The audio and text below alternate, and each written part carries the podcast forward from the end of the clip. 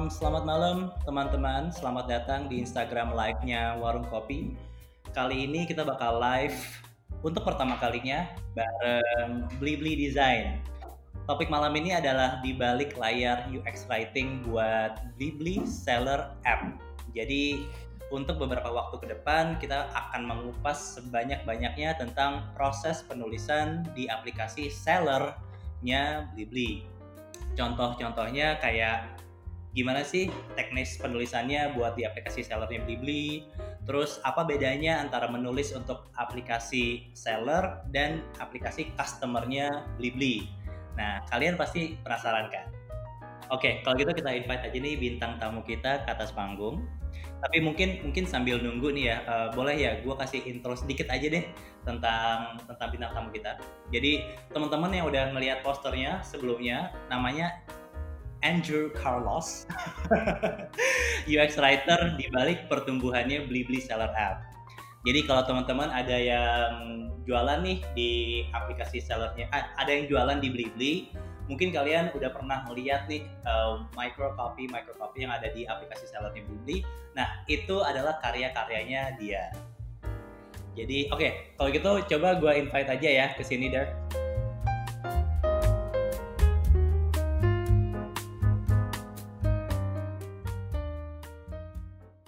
Nongkrong di warung kopi.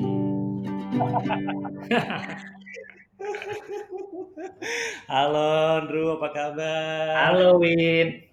Thank you banget udah udah main-main ke warung kopi. Iya, thank you juga Win. Ini buat temen-temen, kayaknya warung kopi ini punya sejarah tersendiri nih buat gue.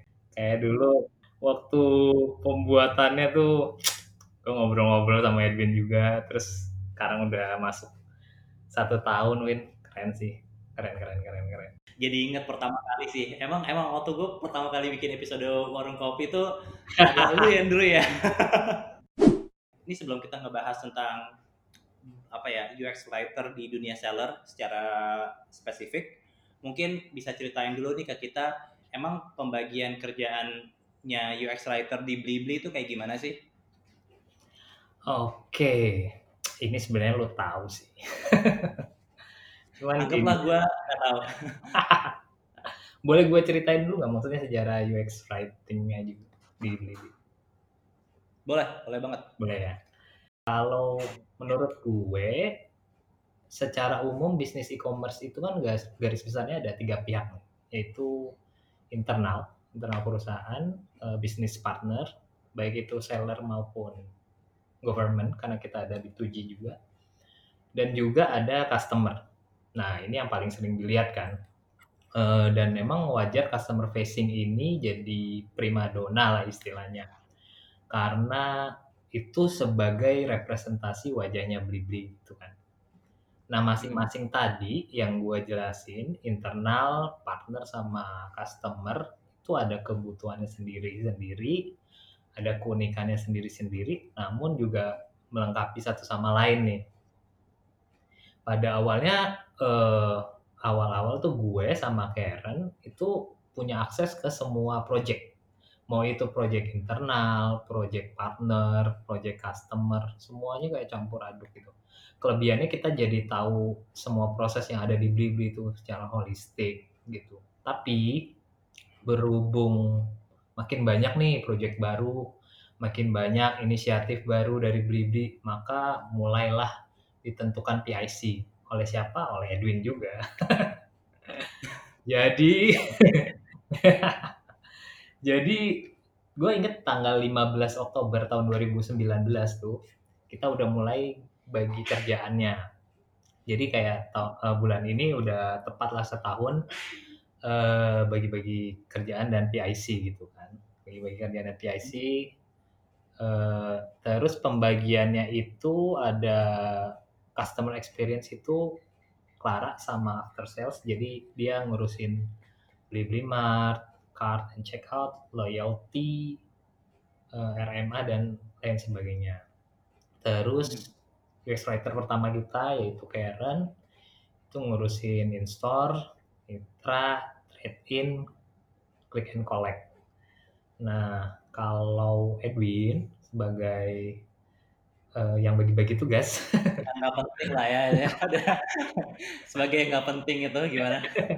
yang bagi-bagi tugas, uh, ngurusin semua produk digital, terus homepage, inventory planning, dan sebagian besarnya ad hoc. Itu berdua sama Dela. Nah Dela ini selain gua dan Edwin juga ngurusin seller app yang bakalan kita bahas nanti gitu.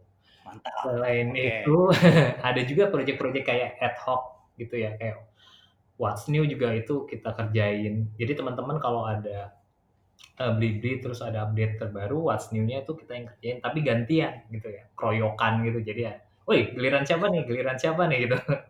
Biasanya di kocok-kocok aja tuh gantian aja gitu. gitu jadinya. Nah, berhubung prinsipnya nih gotong royong sebenarnya kita saling bantu juga sih. Jadi hampir nggak ada yang kayak gabut gitu kalau ngeliat project yang ada. Nah, yang menarik nih sebenarnya kalau ngelihat timelinenya ya. Kalau ngelihat timelinenya yang penting untuk disimak itu gimana kita scaling up the team sejalan dengan project yang ada. Ya. Setidaknya itu yang dilakukan oleh Blibli. Gitu sih Win pembagian kerjanya oh, di UX. Pertanyaan berikutnya nih, gue pingin, ini benar nggak ya? Beli-beli itu kan online mall ya, mall, ya. mall online nih. Jadi kalau analoginya kayak gitu, platform seller ini tuh siapanya di mall sih emang? Kalau kita pakai hmm. analogi itu, si seller app-nya Blibli itu siapanya di mall? Hmm. Ini bagus sih analoginya ya. Um, jadi kayak coba nih teman-teman yang lagi dengerin live ini bayangin kita berandai-andai nih ya, kita masuk mall, terus teman-teman juga pasti ngerasa bahwa cara komunikasi pada pengunjung mall, pada tenan yang nyewa tempat, sama pekerja mallnya tuh pasti beda-beda dong ya. Jadi kalau ke pelanggan mungkin kayak teman-teman datang gitu ya ke mana mall yang lumayan bagus gitu. Terus datang Hai boleh kakak dipilih-pilih gitu kan. Gitulah cara komunikasinya ke customer. Tapi kalau lu pakai pola komunikasi ini ke tenan kayaknya maksudnya merchant rekanan lu kayak anjir nih ngapain sih lu kakak-kakaan gitu kan. Ngapain gue yeah, yeah, yeah. partner lu gitu. Ya kan. Jadi meskipun uh, voice-nya Blibi ada empat gitu ya maksudnya passionate creative resourceful lively dan witty uh, tone-nya kita tetap bedain sih Win. Jadi hmm. tone-nya tetap beda kalau ke seller tuh lebih formal dan kalau ke internal tuh juga pasti beda lagi Nah, kalau pakai analogi mall kayak tadi, seperti yang udah gue jelasin di awal, pihak internal itu kan analoginya karyawan mallnya. Seller itu analoginya tenannya yang nyewa tempat. Terus pengunjung mall ya customernya. Nah, masing-masing tadi punya kebutuhannya sendiri, punya keunikannya sendiri, namun intinya ya saling melengkapi akhirnya tanpa orang-orang internal yang ngurusin Blibli ya kita nggak bakal bisa berjualan. Tapi kalau kita bisa berjualan nggak ada yang jualan, nggak ada sellernya juga percuma. Ada barangnya, nggak ada yang beli juga percuma gitu. Jadi kayak tiga hal yang beda, tapi kayak saling saling melengkapi gitu. Kira-kira gitu sih, Win. Nah, ini gue pengen nanya tentang hal yang lebih teknis nih, mungkin ke udah ke penulisannya. Boleh, yang, boleh. Oke, okay, yang mesti diperhatiin banget tuh kalau nulis buat seller apa aja sih? Secara teknis dulu itu mesti bener lah sesuai KBBI kan. Hmm. Benar sesuai KBBI dan yang lain-lain. Tapi kalau menurut gua yang paling diperhatiin itu kalau dalam satu kata itu trust atau kepercayaan. Jadi menurut gue kan eh, Blibli itu punya jargon karena kamu nomor satu. Itu kita jaga banget sih. Nah, kalau dalam konteksnya seller, maka kepercayaan seller pada Blibli dan keamanan data itu jadi prioritas kita pastinya. Terus bagaimana melalui tulisan kita bisa memberikan kepercayaan pada seller gitu. Contoh sederhananya gini, kayak semua orang tuh pengen berjualan dengan kepercayaan supaya mereka bisa mengembangkan usahanya jadi lebih baik kan. Jadi kayak lebih untung, lebih kaya mungkin, jadi sultan anyway gitu. Uh, nah dari segi penulisan mulai dari proses registrasi kita pakai pendekatan kayak motivasional di mana Blibli itu berperan sebagai rekanan yang selalu nyemangatin seller untuk ngembangin usahanya. Jadi okay. misalkan gue pakai kata-kata kayak mari dapatkan lebih bersama Blibli gitu. Kayak mengajak mereka untuk mendapatkan lebih baik itu lebih banyak pelanggan, lebih banyak keuntungan, dan masih banyak lagi. Nah, mhm. selain itu kita juga kayak berusaha ngasih tips and trick berjualan nih Win di seller untuk ningkatin keuntungan seller dan menurut gua tanpa kepercayaan susah tuh kerjasama. Nah satu hal lagi yang tadi gue bilang yang penting itu adalah rasa aman. Kita tuh selalu menjaga keamanan data yang kita punya baik itu untuk seller, baik itu untuk customer gitu. Nah, tugasnya UX writer untuk hal ini adalah ngasih message-message yang terkait. Misalkan, eh hey, jangan kasih informasi pribadi lo ya kepada siapa pun gitu-gitu. Nah, hal ini juga kayak bentuk preventif kita untuk jagain keamanan data baik itu pelanggan maupun seller gitu kalau yang lo rasain paling sulit nih jadi writer buat di aplikasi buat di Blibli Seller App itu apa? Mungkin kayak yes. tiga hal paling sulit ya. Uh, buat gua nggak ada kesulitan. Yeay, anjir. Nggak, bercanda. Bubar kalau gitu ya. Udahan, udahan. Um, ada Win, tenang. Bentar, bentar. Uh, Nah, kalau di nih sebenarnya kesulitannya gini loh. Teman-teman bayangin tuh istilah-istilah teknis gitu yang rumit. Terus itu mesti dibuat sederhana gitu. Nah, okay. itu masalahnya sebenarnya terbesarnya. Karena gue tuh percaya banget kayak dosen gue bilang, e, semakin cerdas lu berbahasa, maka semakin bisa lu me jelaskan hal-hal yang kompleks dengan kata-kata yang sederhana. Jadi itu yang gue coba terapin sih kalau di seller. Nah selain itu kesulitannya adalah kita tuh kan ada app internal, ada app seller. Terus ada istilah untuk internal, ada istilah untuk seller. Ada istilah-istilah untuk internal, ada istilah-istilah untuk seller.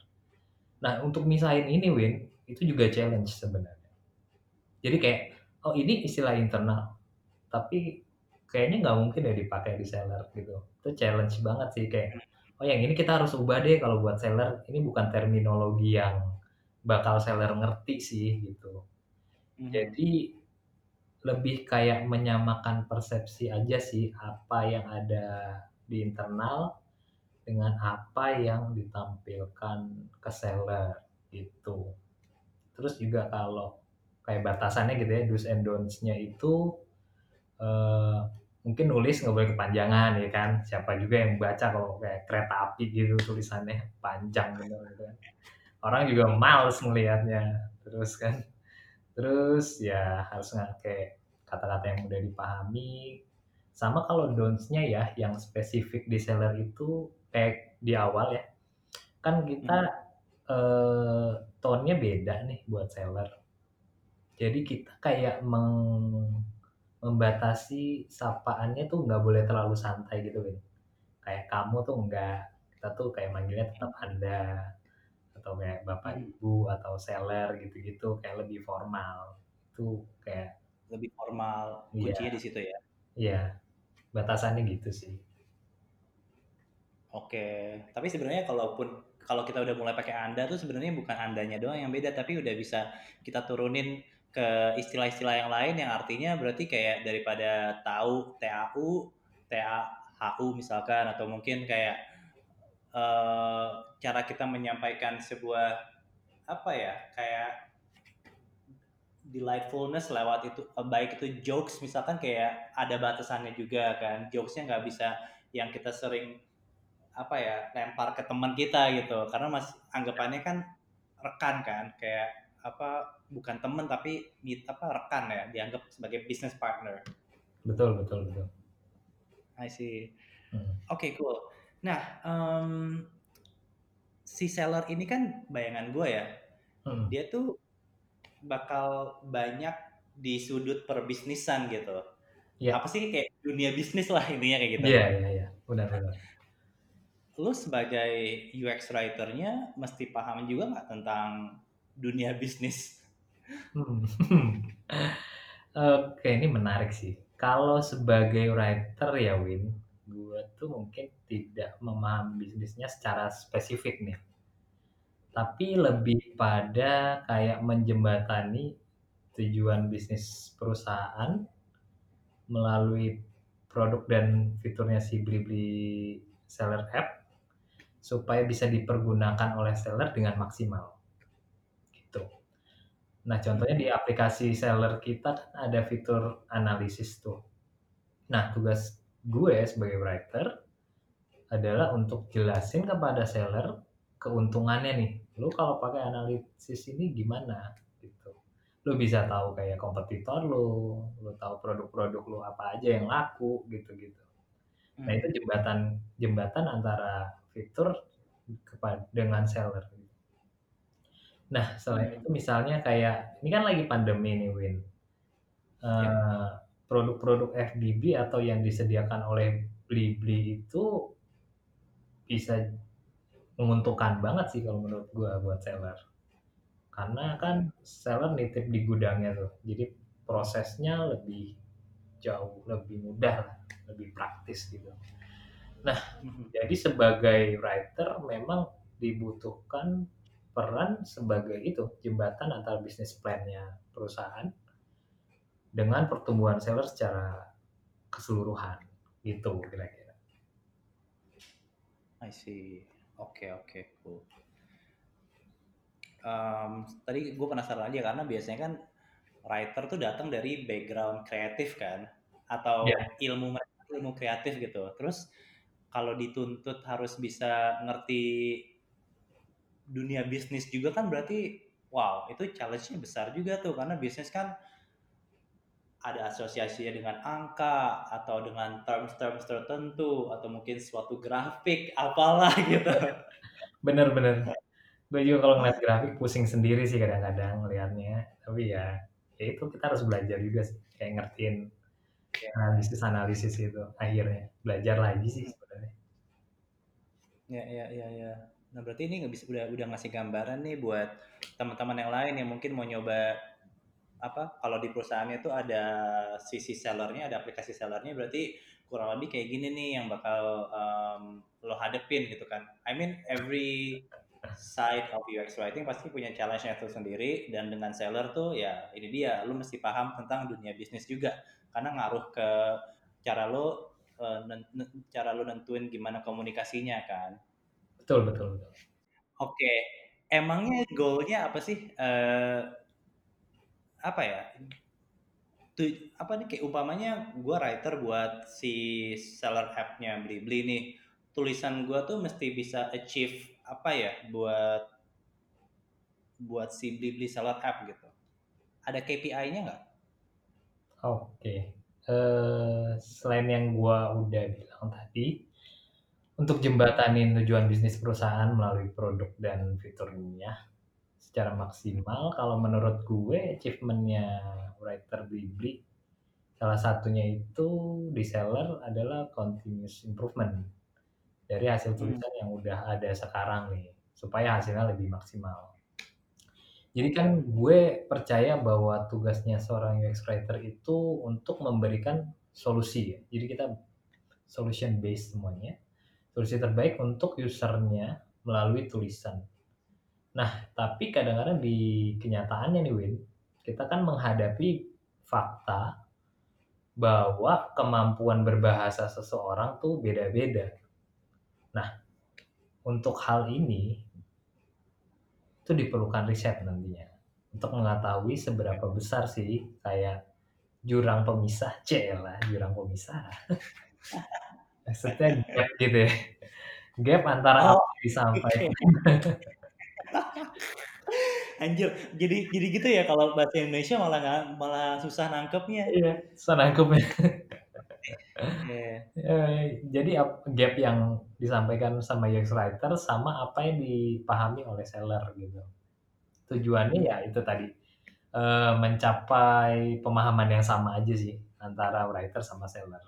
Jadi intinya achievement terbesar writer sebenarnya adalah jika tulisannya itu sudah bisa satu frekuensi sama apa yang dipahami sama seller sih.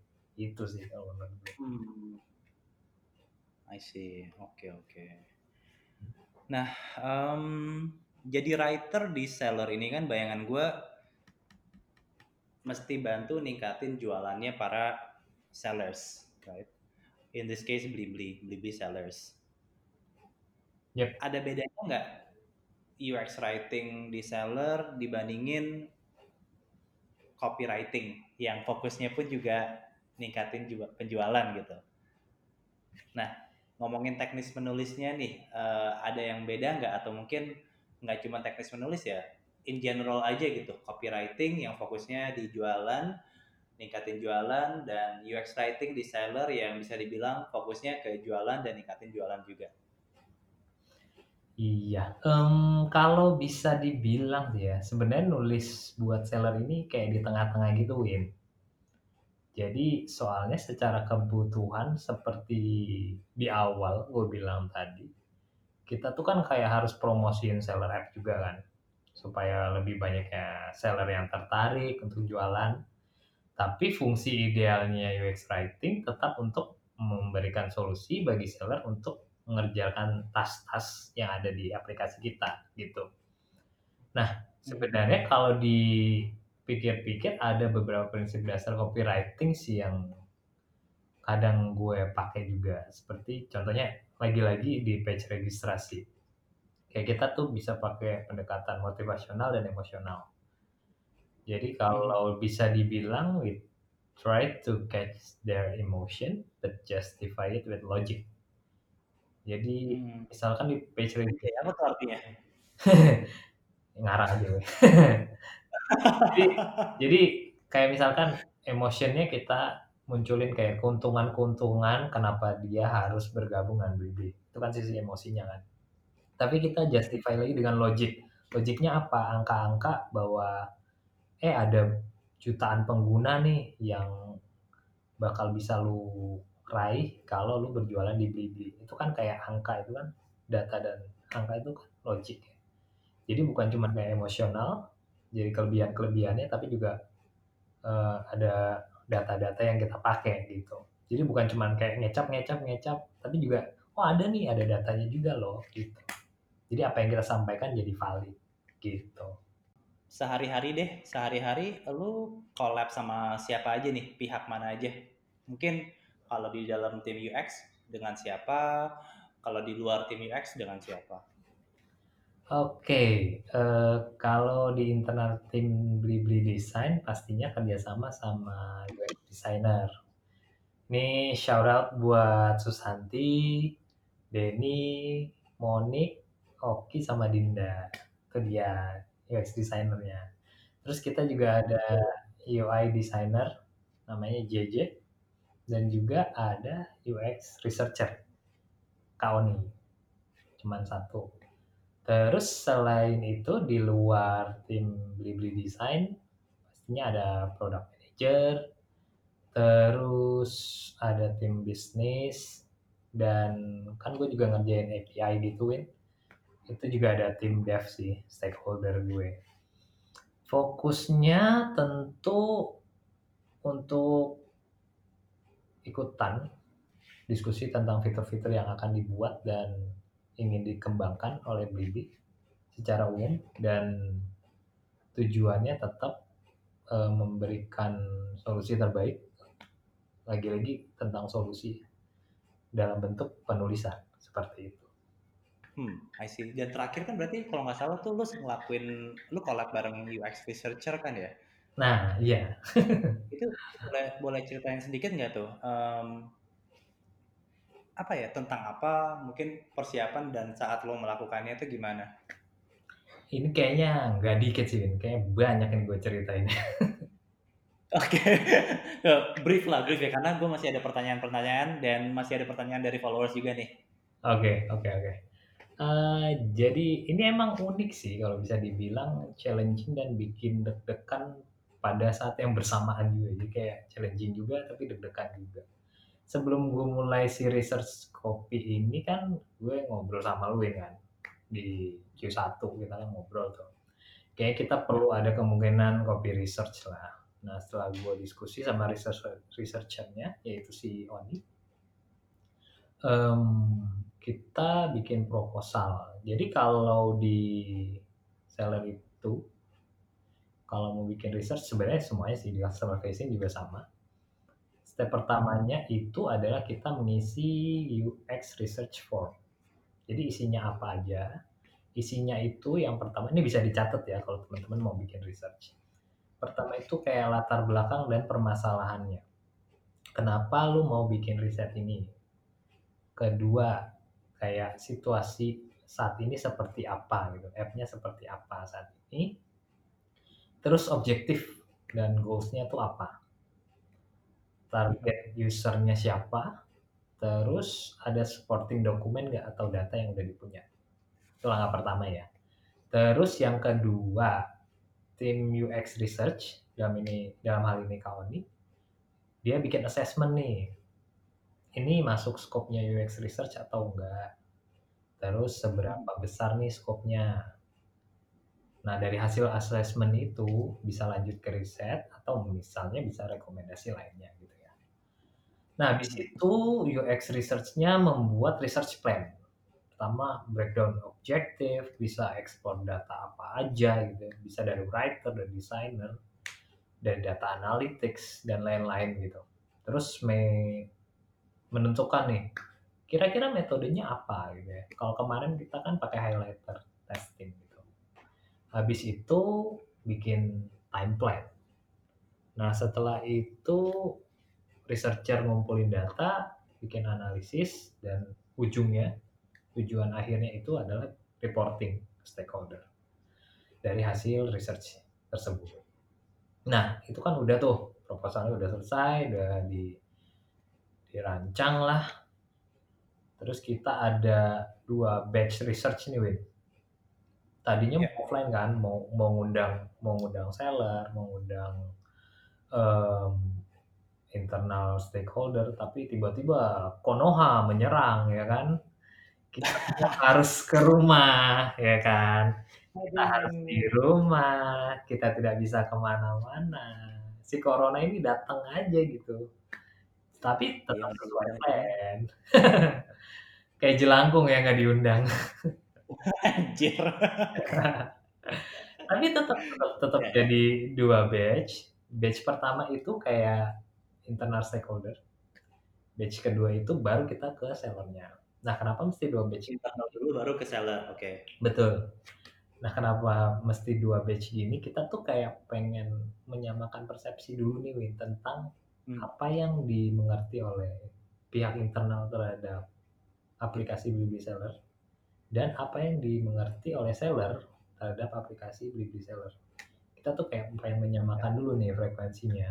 Apakah benar apa yang kita pikirkan itu sama dengan apa yang seller pikirkan gitu. Ternyata temuannya memang uh, agak menarik gitu ya. Kan emang tujuannya tuh antara pihak internal dan seller tuh biar match gitu ya, kayak swipe kanan Tinder ya kan, match gitu. Terus uh, karena tujuannya itu kita harus mulai cari nih um, apa aja sih yang perlu di research gitu. Nah, sebagai UX writer, gua mulai dari hasil usability testing. Nah, buat teman-teman um, secara umum sebenarnya nggak ada ya, nggak ada yang khusus spesifik ngerjain copy research sebelumnya. Jadi kayak kita cuman yeah. istilahnya dompleng di uh, riset desain, terus kayak uh, dari kata-katanya ada yang nggak dimengerti nggak apa gitu-gitu. Bukan yang kayak mm -hmm. specifically ngomongin tentang copy kayak uh, kata ini ngerti nggak apa nggak gitu kayak cuman dompleng di desain usability testing gitu um, okay. dari situ kita dapat beberapa input dan ada beberapa copy yang mesti dites ternyata mm-hmm. nah dari usability testing yang sebelumnya juga kita tahu nih ada kita kan masang heat map tuh di uh, webnya beli beli app kita tahu top page apa yang sering diakses kita tahu okay. page apa yang paling banyak dan ada kendala gitu terkait copy nah okay. selain itu untuk mengetahui apa aja yang mesti di research terkait copy kita juga minta bantuan nih sama tim merchant learning itu internal kita yang sering bikin eh, acara-acara uh, webinar gitu kan hmm. sebenarnya seller juga banyak kan curhat sama mereka nih Win gitu yeah. kita ngumpulin kata-kata yang menurut mereka sulit yang mana gitu. Oke. Okay. Oke. Okay. Nah, tibalah pada saat pelaksanaan nih. Pelaksanaannya researcher sama writer juga beda tuh Win perannya. Mm-hmm. Perannya researcher itu bikin research plan, terus kayak yeah. bikin data partisipan, terus bikin pertanyaan interview, kontakan sama pihak terkait, kayak yang penting siapin logistik ya kan, voucher buat partisipan jangan lupa ntar nggak mau lagi. Ya kan? Nah, itu dia penting. terus ya, seperti biasa bikin interview, bikin analisis dan report. Nah, terus writernya ngapain gitu kan pertanyaannya kan. Nah, kalau gue sebagai writer itu gue nyiapin alat copy testnya jadi kayak waktu itu kita pakai approach-nya kan highlighter test gitu. Jadi kayak bandingin uh, web seller yang ada saat ini dengan apa yang akan kita buat nantinya gitu. Jadi kayak ada perbandingan. Terus kayak sellernya mesti milih. Kalau gini ngerti nggak pak? Kalau gini mudah dipahami nggak pak? Kita nanya seperti itu. Terus kita juga bantu jelasin perbedaannya apa aja. Terus kayak nanyain copy test tentang email, pop up dan sebagainya. Terus juga kayak kita bantu-bantu nyatet gitu di Excel tentang pendapat dari seller. Dan yang terakhir itu kayak mempertajam lagi. Misalkan ada keraguan nih, misalkan satu kata, terus hasil risetnya ya beda-beda tipis gitu. Nah itu kita buat survei lagi tuh, validasi lagi itu tugasnya. Nah, setelah research itu selesai, baru kita bikin copywriting guideline. Gitu. Uh, eh, gue mau ngucapin sekali lagi terima kasih nih buat udahnya udah udah mampir ke warung kopi. Um, semoga kita bisa cepat ketemu langsung di kantor atau di warung beneran. so again Dru ya, uh, thank you nih udah share ke kita semua. Semoga dunia apa UX writing buat seller ini semakin apa ya semakin meningkat lah awarenessnya supaya orang-orang tuh nggak melulu mengira kalau UX writing itu cuma buat customer. Betul betul dan gue juga ngucapin terima kasih nih ini kali kedua gue di warung kopi setelah yeah. kemarin keroyokan. Uh, semoga warung kopi juga terus jadi tempatnya anak-anak konten terus kasih konten-konten yang inspiratif lah ya tentang penulisan karena menurut gue ini jarang banget sih tentang penulisan jadi thank you thank you banget Andrew. Terima, uh, terima kasih sekali lagi ya. Sampai jumpa di lain waktu. Yep bye bye oke okay, bye bye